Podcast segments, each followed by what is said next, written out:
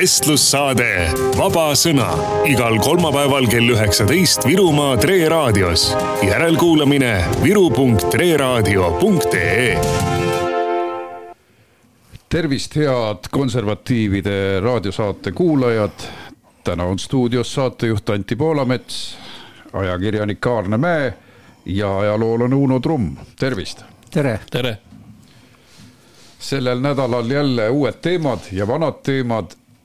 Räägime kohalikust elust, räägime Ukrainast, räägime Riigikogus vastu võetud äh, sümboolikaseadusest ja mis on selle probleemid. ja vaatame üldist pilti ka, et, et mis ikkagi pidevalt Eesti meedias toimub.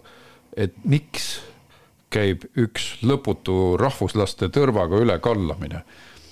Ja kui kaugele see asi siis kipub üldse minema aga kõigepealt ma tuletan meelde, et äh, nüüd on äsja möödunud äh, viisteist aastat pronksiöö kuumadest päevadest, mis oleks pidanud Eesti ühiskonnal olema väga tugev äratuskell. mõnes asjas ärgati, nagu loodi küberkaitsekeskus, NATO küberkaitsekeskus Tallinnasse, millest on meil riigikaitselist abi olnud prooviti tegeleda integratsioonil, integratsiooniga, aga mitte just eriti edukalt. ma küsiks kõigepealt ka nostalgilist äh, tagasivaadet. millised mälestused nende päevadega on ja kui, äh, kui suure üllatusena need sündmused meie teid ja Eesti ühiskonda tabasid? Uno, sina vaatad asju linnulennult, aga millised on sinu to tolleaegsed isiklikud mälestused? no minu mälestused, ma olin sel ajal Kundas ja elasin üsna üksi ja vaatasin üsna palju televiisorit. ja tegelikult sattusin ka ilmselt suhteliselt alguses peale sellele otseülekandele, mis tehti, see oli vist Kanal kaks äkki tegi päris Tallinna tänavatest kõige selle möllu keskelt eks ta oli muidugi tõsine ehmatus, et midagi sellist üldse toimuda saab, aga noh, samal ajal ega selles nüüd ju väga suurt üllatust ka ei olnud, selleks oli valmistatud ju kõik see aeg. nii ta on ja Aarne, räägi kas enda või tuttavate muljetest jah, et ma ise täpselt ei mäleta, kuna ma töötasin äh, siis ajalehes, siis äh, kindlasti ma jälgisin uudistevoogu ja, ja et kui palju siis siit Lääne-Virumaalt neid politseinikke sinna appi saadeti ja nii edasi.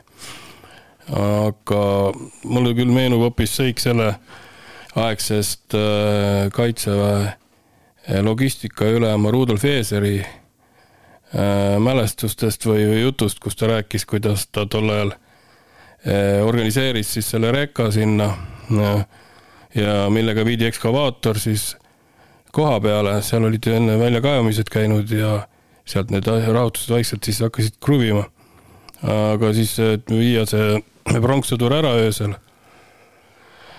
ja siis ta meenutas, kuidas pandi kõigepealt see köis ümber kõri ja vaadati, et vist ei lähe mitte, et tuleb pea otsast ära ja seejärel üritati jalgade vahelt kuidagi ja siis, siis kaotas kuju tasakaalu, prantsatas äh, muda sisse pea ees nägupidi ja ka ikka jäi terveks, sihuke seest õõnes, õõnes kuju oli olnud mingisugune tonni, tonni äh, kaalus umbes. Ja siis, ja siis ta viidi ära ja viidi siis kõigepealt sinna logistika, Suur-Sõjamäele logistikakeskusesse, aga siis hakkasidki need rahutused seal pihta öösel või, või oli see järgmisel päeval neli kolmkümmend vist ta ütles, oli see maha tõmbamine just, et oli see kellaaeg meeles.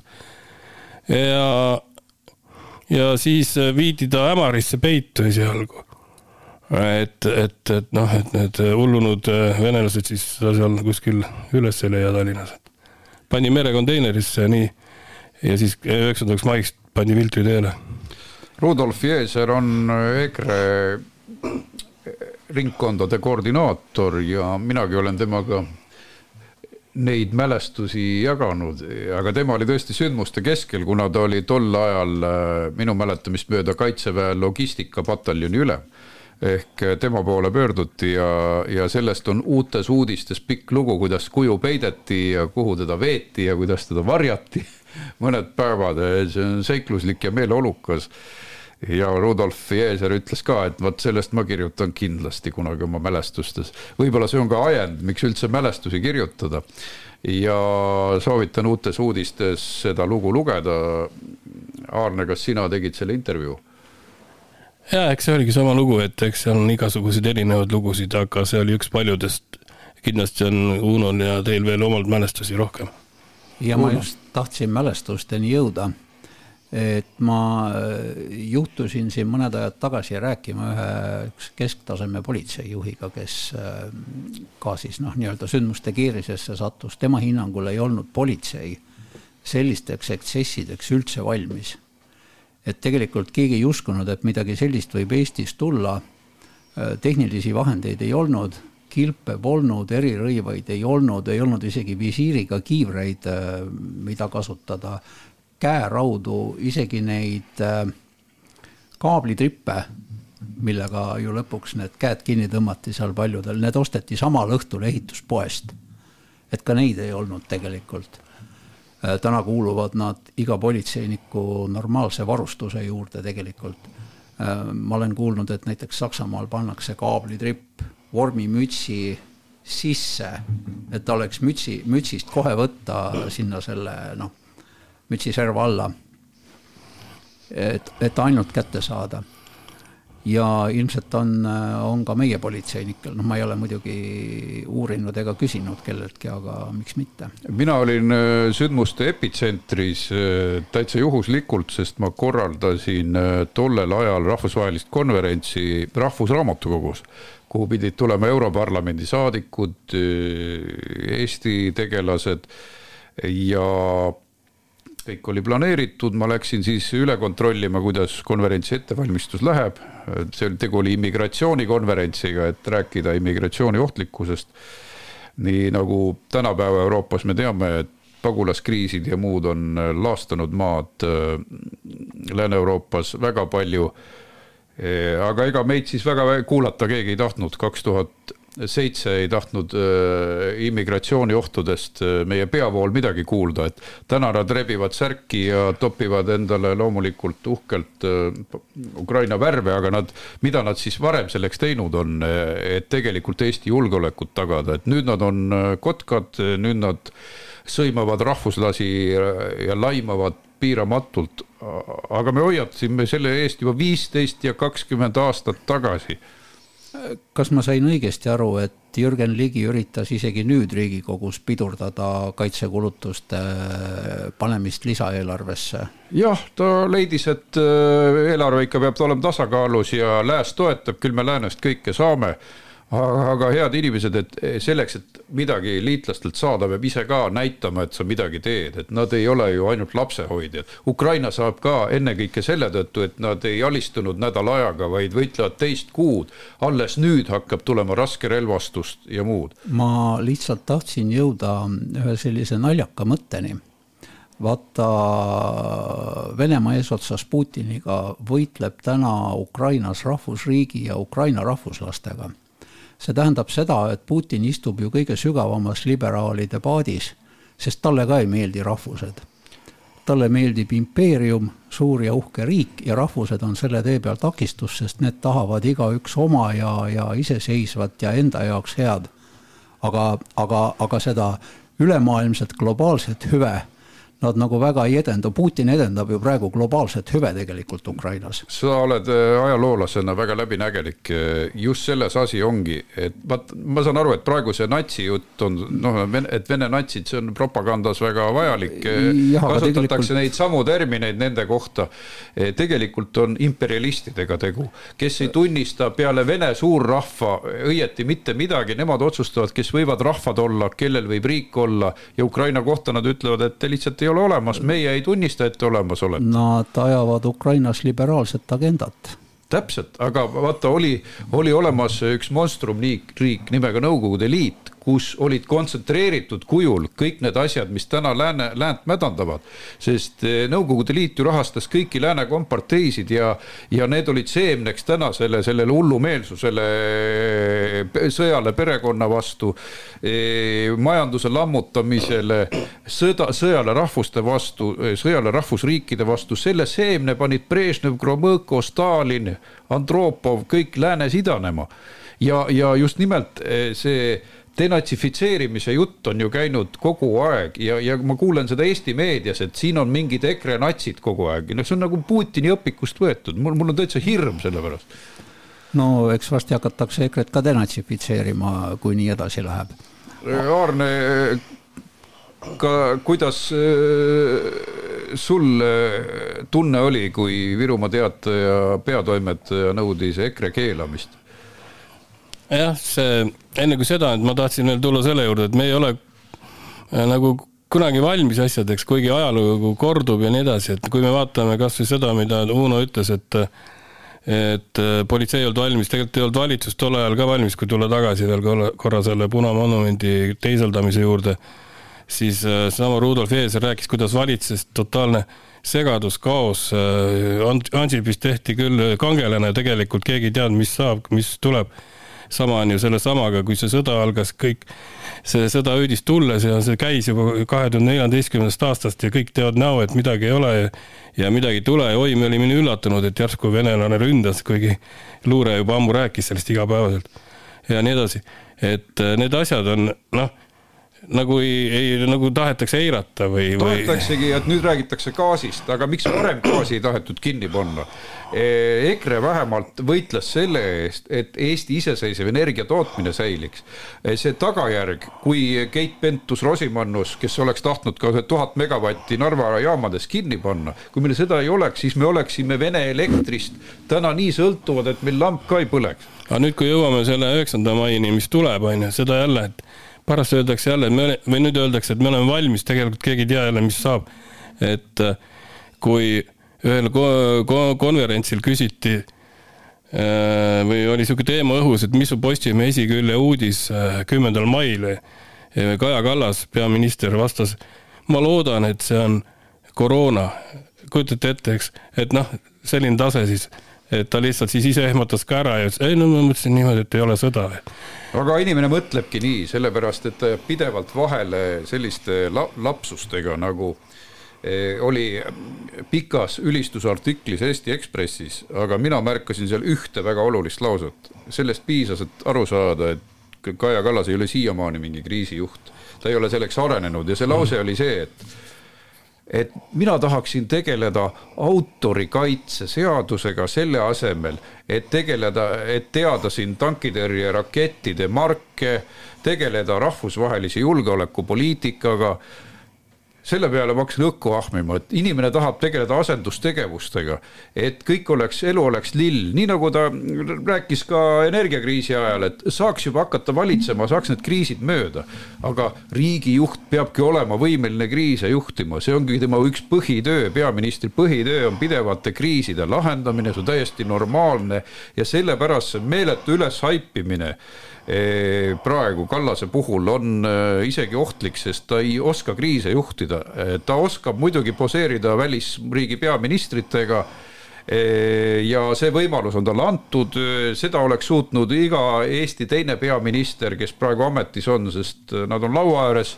Baltimaaded räägivad, Balti riigid räägivad ühehäälselt probleem on selles, et reformikad ei ole kunagi riigikaitset tõsiselt võtnud, kunagi ei ole võtnud. see, et selleks peab siis olema kas ballistiliste rakettidega rünnak Ukraina pihta, et nendel ka silmakesed avaneksid, et ei no kui Kaja Kallas ütleb, et ta ei saa valitseda, et ta peab kogu aeg kriisidega tegelema, siis ta ütleb isegi mõndagi ja, ja kui ta läheb Riigikogu pulti ja lihtsalt tema põhislogan on vau või halloo, siis millest me räägime? No eks äh, Reformierakond on alati tegelenud ka tuule nuusutamisega, mida nad ka praegu tõenäoliselt teevad, ma pean ausalt tunnistama, et mind paneb sügavalt imestama see, et Eesti on suutnud Ukrainale nii palju abi anda korraga. Kuigi muidugi võib-olla eks nad kardavad ka oma istekoha pärast, sest noh, öeldagu mis tahes, aga me oleme järgmised. ma arvan, et see oli Eesti Kaitseväe juhtide arusaam, mida nad lihtsalt äh, kõrvad lontis kuulasid. see oli õige arusaam, siin ma tunnustan ka Heremit, et Javeline oli vaja ja nad saatsid seda õigel ajal, punktid kirja selle eest aga ma räägin üldist pilti, inimesed, kes vähegi mäletavad Eesti poliitikat, et reformikad on kogu aeg olnud eh, lausa ohtlikud riigikaitsele, eh, ütleme varasematel aastatel, pärast kui Kert neile tuli ja Laaneots, siis asi läks paremaks aga see, et nad tahtsid ära kaotada ajateenistuse, see oleks tähendanud, et meil oleks armee asemel eh, üks eh, naljanurk, kus oleks tuhat meest ja me ei saaks neid ka kokku ühte pataljoni. see oleks ju Venemaale nagu mingisugune haile sööda viskamine, et Eesti kaitseväge pole sisuliselt olemas, vot seda nad oleks teinud, kui ei oleks Kunnas ja teised kaitseväe no, aktiivsed eestvedajad võidelnud hambad ristis selle vastu, ei oleks ka rahvuslikumad poliitikud selle vastu võidelnud, nad oleks hävitanud kaitsevõime maatasa, ilma naljata. et see on mingi hilisem öö, ootamatu kainenemine. Nad hävitasid kaitseväe luure maatasa just sellepärast, et kaitseväe luure oli hakanud Herman Simmile küüsi taha saama, nad hävitasid selle ära eesotsas Ilvesega, kes ütles kaitseväe luure kinni, nad on väga ohtlikud. mõelge, kui ohtlik, võtavad Simmi kinni ja kaitseminister oli sel ajal? Jürgen Ligi. sinna ma tahtsingi jõuda. aga me peame ilmselt seoses selle Putini liberaalse agendaga rääkima ka Saksamaast. sellepärast, et tegelikult äh, on nende mõlema riigi tänane juhtkond marksistlike vaadetega noh, sotsid, äh, natsid, äh, fašistid, kommunistid, maoistid ja kogu see muu punt on ju tegelikult kõik ühe sellesama marksistliku mürgipuu jälgid, viljad. ja, ja ei ole üldse ime, et Saksamaa ei taha aidata praegust äh, Vene režiimi, sellepärast et nad on ühest ja samast juurest. nii nagu Putin on äh, kommunist, minu teada endiseid kommuniste ei ole olemas, Lenin ütles kogu aeg, et kui kommunist ei saa võidelda avalikult, siis ta läheb põranda alla ja teeb oma räpast tööd sealtkaudu. aga Neid ühendab viha rahvusriikide vastu, just kuulajale, et eh, Putin ei ole noh, eri, eriti aktiivne mingi LGTB teemal, sest see on lääne moodne marksismi osa aga ta on täpselt ühel lainel sellega, et rahvused on saatanast, nad tuleb ära kaotada, neid pole õieti olemaski nagu ukrainlased, et kaotame nad ära. samasugust viha peab Brüssel rahvuste vastu. no Putinil ei ole vaja olnud LGBT-ga võidelda, ta on saanud selle seltskonna teistmoodi tasalülitada. ütleme, Vene ühiskonnas on sihuke platnoi ühiskonna tunnused, seal on seda õudust tegelikult mitu korda rohkem kui mõnes teises, sest see vanglakultuur, mis hoovab ühiskonda, sellel on kõik äh, haigused sees. no kõige naljakam ongi sealjuures see, et see vanglakultuur suuremalt jaolt oma seksuaalses mõttes püsibki homoseksualismil.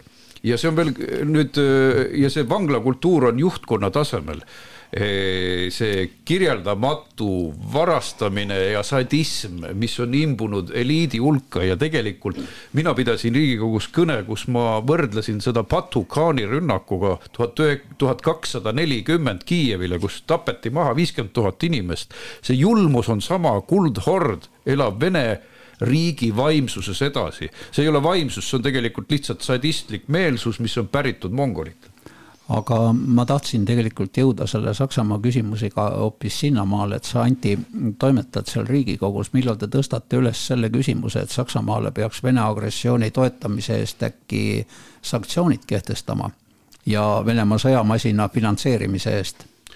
see on väga hea retooriline küsimus ja ka seda saabki kasutada nendel südametunnistusele koputamiseks ja sellel on areng see, et Saksamaa on paljastatud kui, me teadsime kõik seda, et Schröder ja Merkel nuumasid Putini sõjamasinat sadade ja sadade miljarditega, õlitasid kõik korralikult ära muidu ei oleks neil sedagi armeed, mis neil praegu on.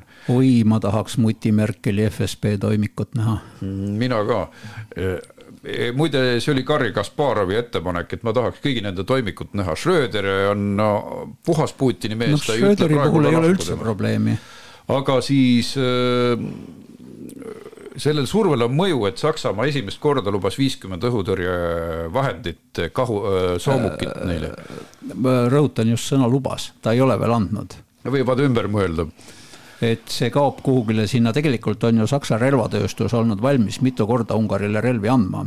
Ukrainale. või vabandust, muidugi see... Ukrainale ja, ja. vahel lähevad sassi. jah, aga see sumbus kõik äh, Saksa valitsuse bürokraatiasse ja ei jõudnud mitte kuhugile.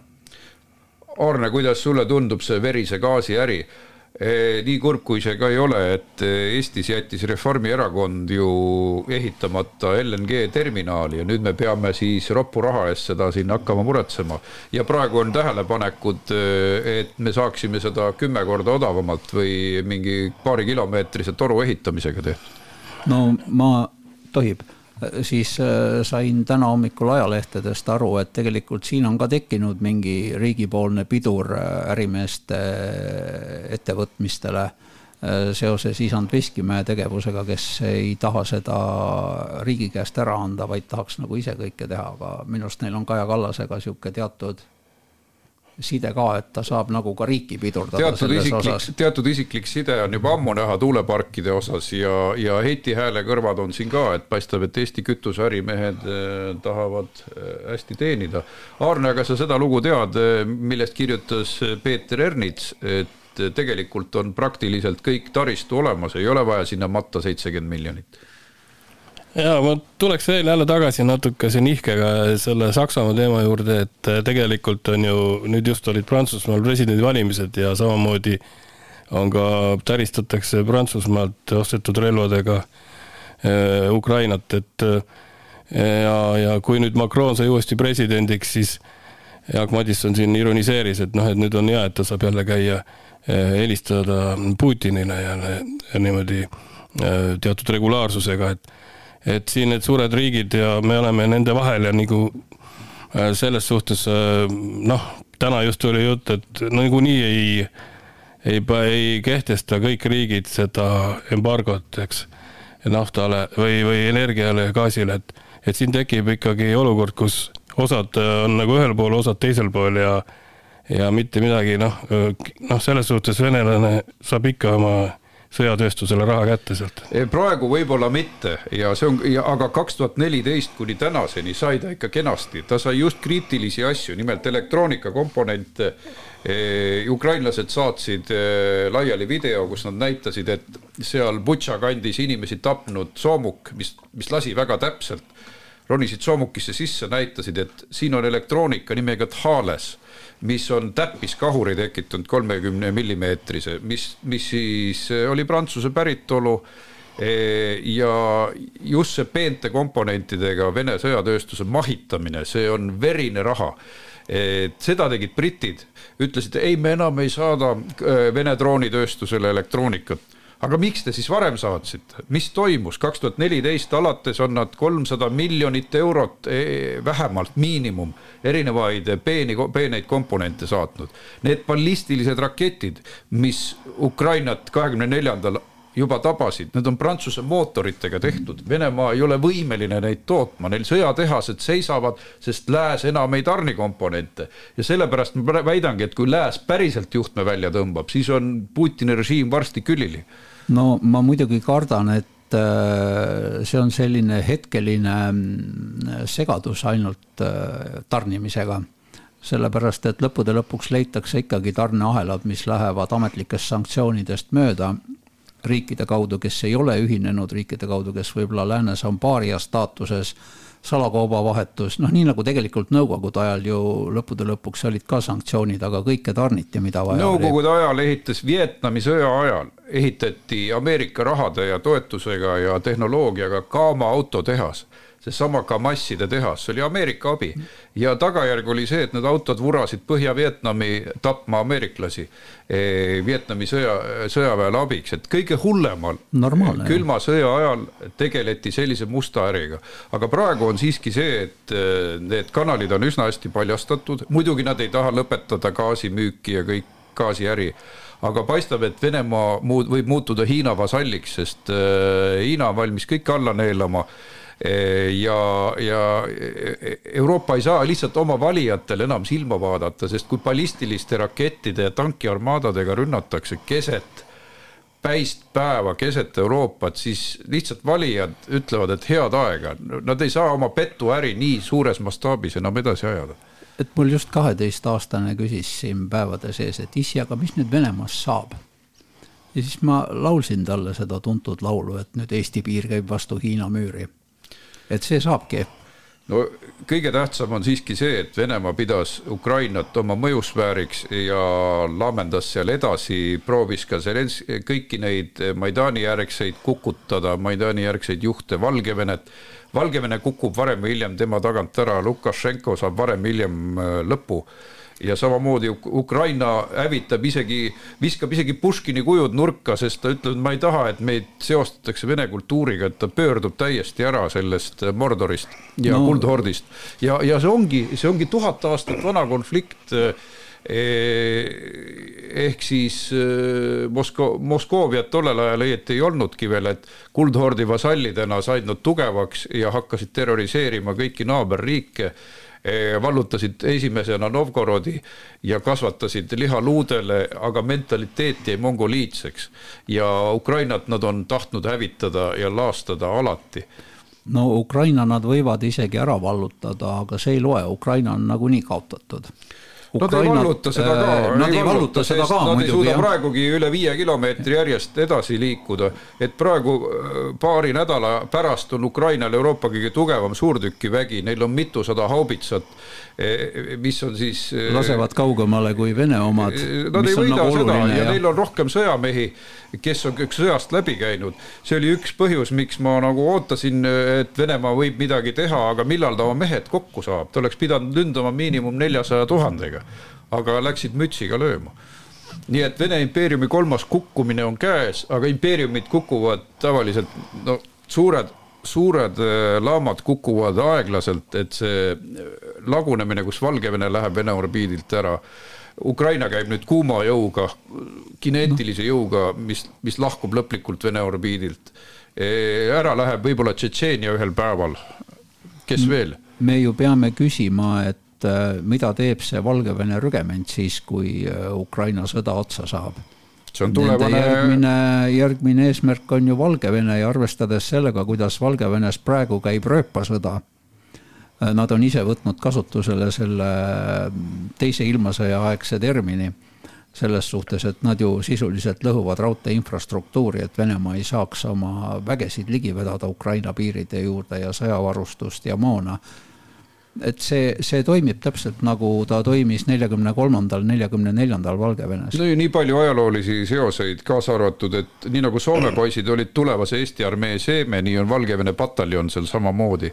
aga läheme korraks sümboliseaduse juurde, et eh, ka Virumaa Teatajas tänitati, et miks EKRE ei toetanud sümboliseadust ehk nende nõndanimetatud agressioonisümbolite kaotamist siis mina pidin, pidasin EKRE poolt kõne eh, Riigikogus ja ütlesin, et esiteks on meil praegu võimalus ka karistada, sest sõjapropaganda eest on juba Z-mehi karistatud, kuna nad häirisid äh, Ukraina sõjapõgenikke, joonistasid neile Z-e kuskil akna all, see oli avaliku korra rikkumine, saab sõjapropaganda eest karistada.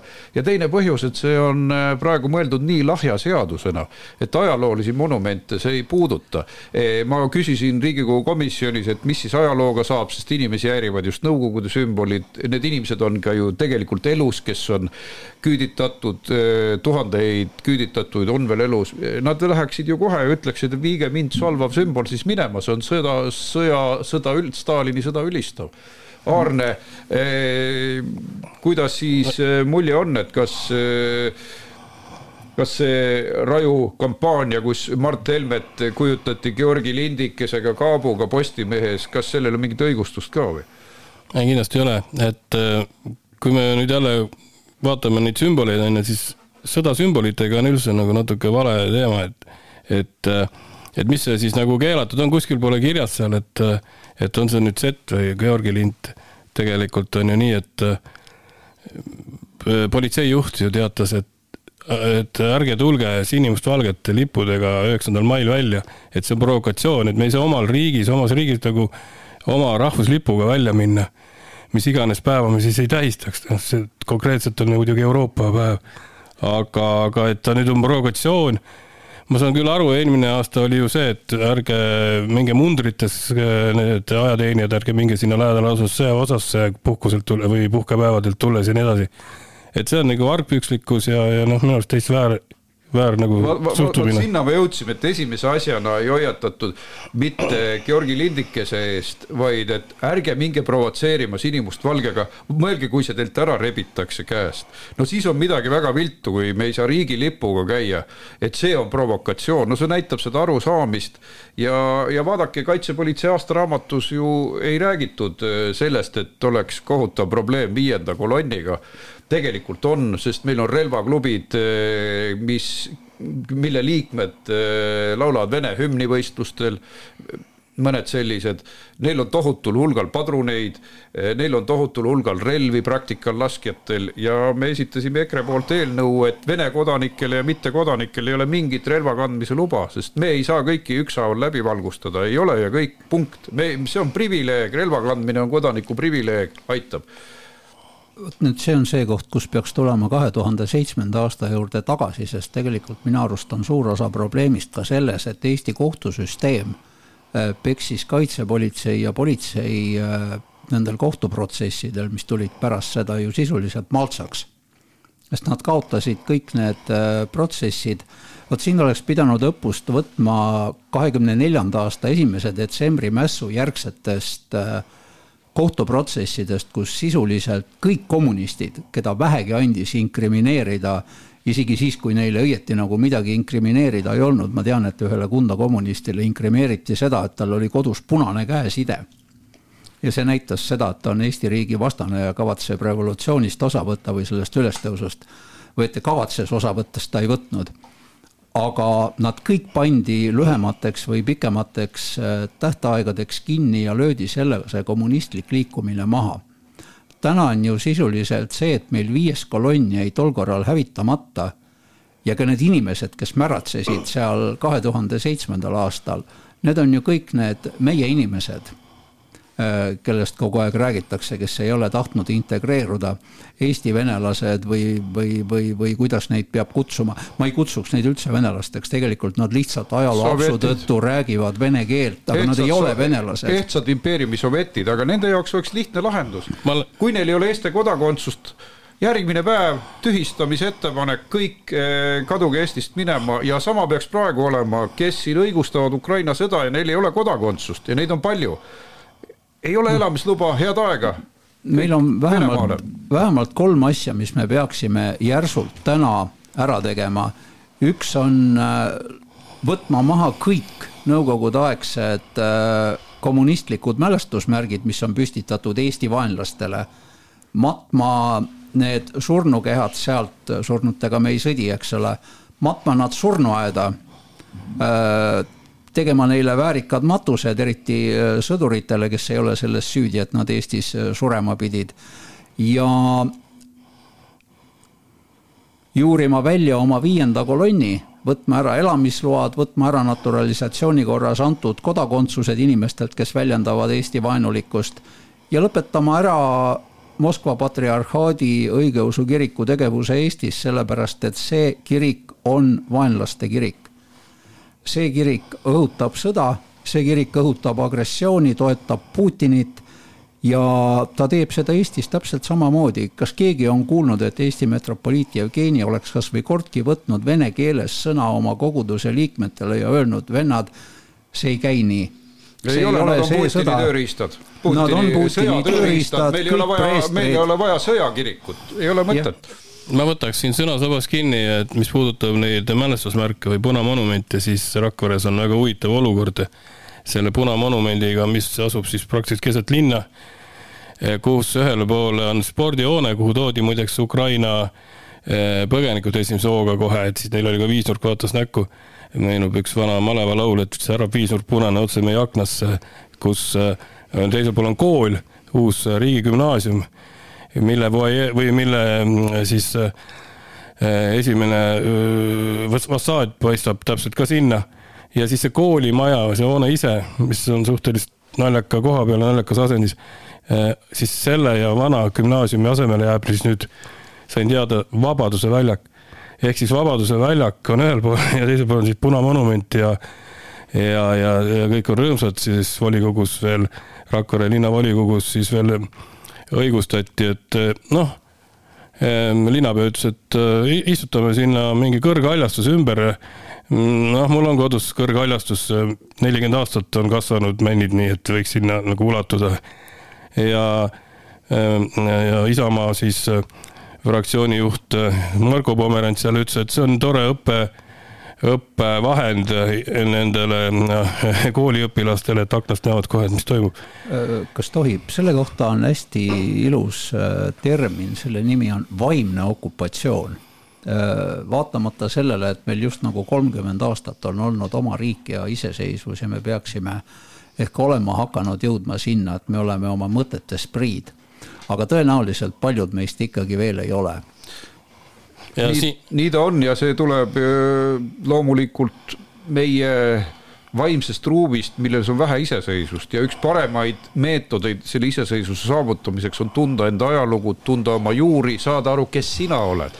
eestlaste probleem on see, et nad tahavad olla liiga tihti keegi teine, kas mingid lääne propagandistid, nendega samastutakse või mingi isegi Nõukogude nostalgikuid on meil. ma tuleksin ajas veel ka tagasi kaheksakümne kuuendasse aastasse.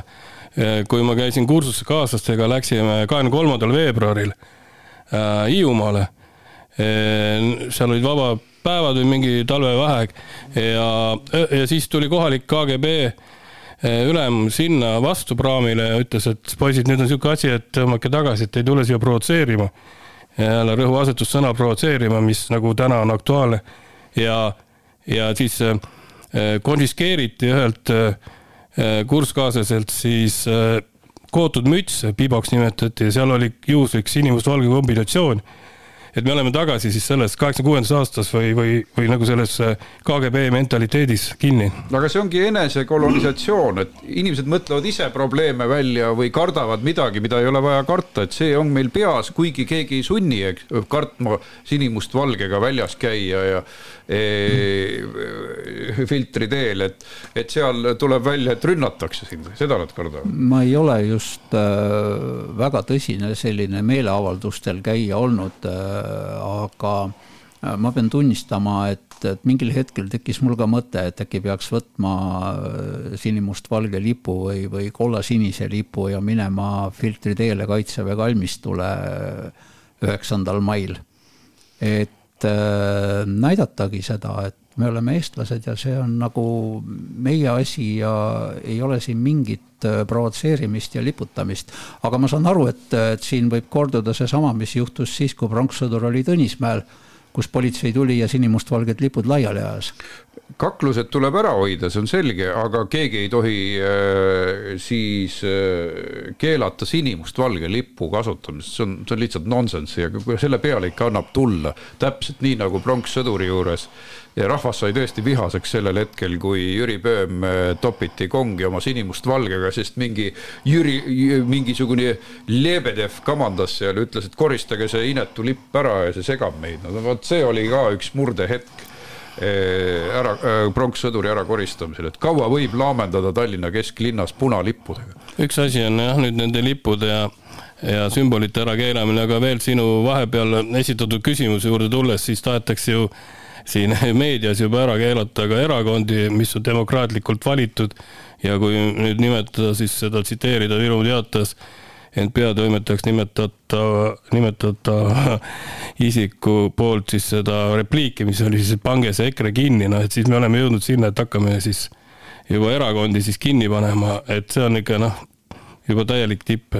see on juba, see on ikka tõesti ohtlik ja minu meelest täiesti putinistlik hüüatus, et paneme nüüd konkureeriva erakonna kinni Eh, ta häirib meid, sest tema sõnum on tugev, teda toetatakse väga palju. Eh, Mos-, Moskvas on väga lihtne, et Navalnõi kinni, sest ta räägib korruptsioonist, eh, paneme ta trellide taha, paneme kuulutame need ekstremistideks, valimistel ei lubata, see haiseb sama asja järele, et, et tulge mõistusele Postimehes, et lõpetage see ähvardamine erakondade kinnipanekuga. ja asi on naljast kaugel, sest samal ajal Maris Lauri pressib läbi vihakõne seadust Reformierakonna suurel jõul ja sotside kaasa huilgamisel. EKRE-le tuleks kasuks, inimestele on märtrid alati meeldinud aga ma pean muidugi, äh, mulle tegelikult ei meeldinud väga see Mart Helme sõnavõtt, äh, nii nagu ta seda Riigikogus rääkis, minu arust oli see EKRE-le mõnevõrra kahjulik, nagu ka mõned teised tema varasemad sõnavõtud on olnud äh, mõõdukamate inimeste seas, kes võib-olla EKRE-t toetaksid. aga ma tahan sellega seoses tegelikult äh, nimetada hoopis ühte teist asja, et ma olen mitu korda märganud, et meie ajakirjanduses on maad võtnud funktsionaalse kuulamisoskuse puudus. Eestis on kolmkümmend tuhat pagulast ja Mart Helme suhu pannakse sõnad, kus ta räägib sajast tuhandest prostituudist. et äh, kui inimesed ei suuda teksti kuulata ja sealt kirjavahemärke tabada kusjuures ma kuulasin selle tekstiosa või kõneosa spetsiaalselt üle, seal oli täiesti selge, konkreetne paus. mahtus koma ära. loomulikult ja ta rääk-, tegelikult rääkis inimkaubitsemise ohust ja kogu see teema oli hoopis välismaalaste seadusele suunatud, millega tuuakse sellel suvel juba kümneid tuhandeid odavtööjõudu. ja teema on tõsine, et Mart Helme on teraval moel paljudest teemadest rääkinud. paar kuud hiljem selgub, et tal oli täielik õigus ja ärme unusta, et ta kasutab tihtipeale ka kujundlikku keelt, milleks teised ei ole üldse võimelised, ta on võimeline pool tundi rääkima, kõnekäände eh, kasutama, sel ajal kui teised ajavad nüridat bürokraatlikku juttu, ta kasutab Tammsaaret, eh, räägib, et kuule, kas siis lähete ülikooli hobusevargaks. Ja siis tulevad mingid no, nal-, noorukid, kes ütlevad, vaat kus ütles, on ju, aga muidugi nad ei ole Tammsaaret lugenud, nad ei saa isegi meie kultuuri, kultuurikujundit. või Puulane ja Tohtlane ja. Äh, Puulane, Tohtlane, nad ei ole isegi muinasjutte lugenud. noorte meeste tehtud Tõde ja õigus oli ikkagi täielik fiasko aga noh, see selleks, sellest võib-olla räägib mõni teine kord, ma tahtsin lihtsalt öelda, et ma noh, äh, võib-olla olen natukese äh, antud juhul hereetiline, aga ka kujundite kasutamisel ikkagi võiks nagu natukese kujundeid valida. no arvestades, et eh, meedia on võimeline sinu tekstist suvalise jupi välja rebima ja siis karjuma no nädal aega, et eh, ma seda silmas peangi, jah. mida tahes, selles mõttes peame me olema väga tähelepanelikud, et meile võib inkrimineerida mida tahes EKRE-t võib laimata kui palju tahes, rahvuslasi võib laimata Eestis piiramatult, selleks ei ole mingisuguseid raame e,. nagu mäletame, et e, Marti Kuusiku protsess, esimene päev valitsuse ametisse astumine, nad olid valmis sellist laimu levitama piiramatus koguses, juba kolmandat aastat käiatakse, et saada meist lahti. see on, see on lihtsalt olnud äärmiselt alatu ja lõputute rünnakute ahel, et sa ei tohi olla rahvuslane, sest sa pead olema multikultilane. no praegu selle, tohib, selle nimi on Hävitame Valge-Soome maa jah, meedia proovib Valge-Soome madu hävitada, praegu, kuidas sul tunne on? praegu on ikkagi see Ukrainasse puutuv, et see on nagu kõik teema, mis on natukenegi, tood välja mingisuguse probleemi nendega seoses, see on tabu, et täiesti noh, silmaklappides lihtsalt pannakse ühes suunas ja, ja no nii palju on neid kuulda, inimesed võivad rääkida jutte, kuidas äh, minnakse bensujaama, võetakse asjad, äh, kotid täis, öeldakse, et see on, me oleme sõjapõgenikud, et me, meil on õigus võtta, kuigi neile selgitatakse, et see on pood ja peate maksma. Äh, kuidas ühed võtsid, vastu võtsid, see oli Vikerraadios rääkis see inimene, endine suhtekorraldaja, kes korraldab nüüd Ukrainast siia tulekut või korraldas vähemalt, kuidas läksid, tegid, andsid neile peavarju, läksid sinna äh, Äh, tegid restoranis neile söögi välja, ema, äh, tütar ja poeg. Äh, poeg oli teismeline, tütar väike ja ütlevad, et. ema Putinist. jah, ema oli Putinist, kus ütles, et ma tulingi sellepärast sealt ära ja noh, venelane oli, et ma, et Putin saaks seal rahumeeli tegutseda, et noh, me räägime viiendast kolonnist onju. ja, ja no nii näiteid on nii palju, üks oli siin Rakvere lähedal. talle ei sobinud see, kuna pidi ahju kütma ja et oli vaja teist korterit ja nad tahavad ikka Tallinnasse ja nii edasi ja nii edasi, et aga midagi selle kohta ütled, siis sa oled ise putinist, eks ole. ja, ja see praegu ei saa olla ratsionaalset arutelu enam, sest just see hüsteeria tingimustes, et, et ma ise kogun Ukraina heaks annetusi, kallid kuulajad, toetage, viime koha peale kuuliveste, just annetasin kuulivestide tegemiseks seda raha MTÜ Ukraina eest arveldusarve on Uute Uudiste leheküljel. kinnitan, et me iialgi ei toeta kolmandate riikide pagulasi, araab, Araabia majanduspõgenikke, Aafrika majanduspõgenikke, see on mõeldud ainult Ukraina abistamiseks ja ennekõike Ukrainas kohapeal panin isegi Kaitseministeeriumile raha Ukrainasse. suurepärane ja, ja meie, aga meie viime lausa otse kohale ja anname näost näkku üle. ja ma kavatsen isiklikult koha peale minna ühte tähtsat varustust üle andma, et iga toetus on oodatud.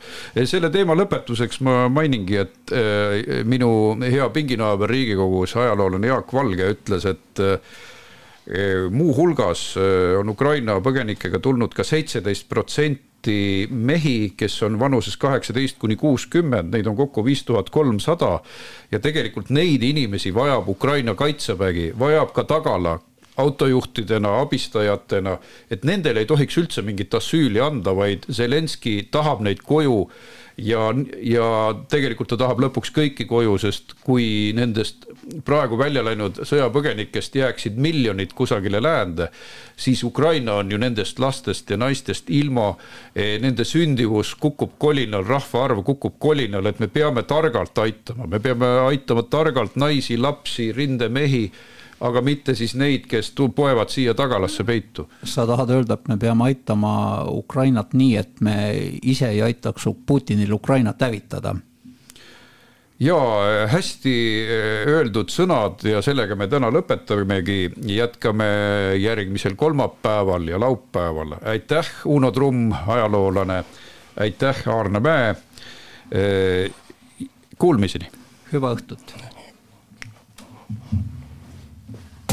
vestlussaade Vaba Sõna igal kolmapäeval kell üheksateist Virumaa Tre raadios. järelkuulamine viru.treraadio.ee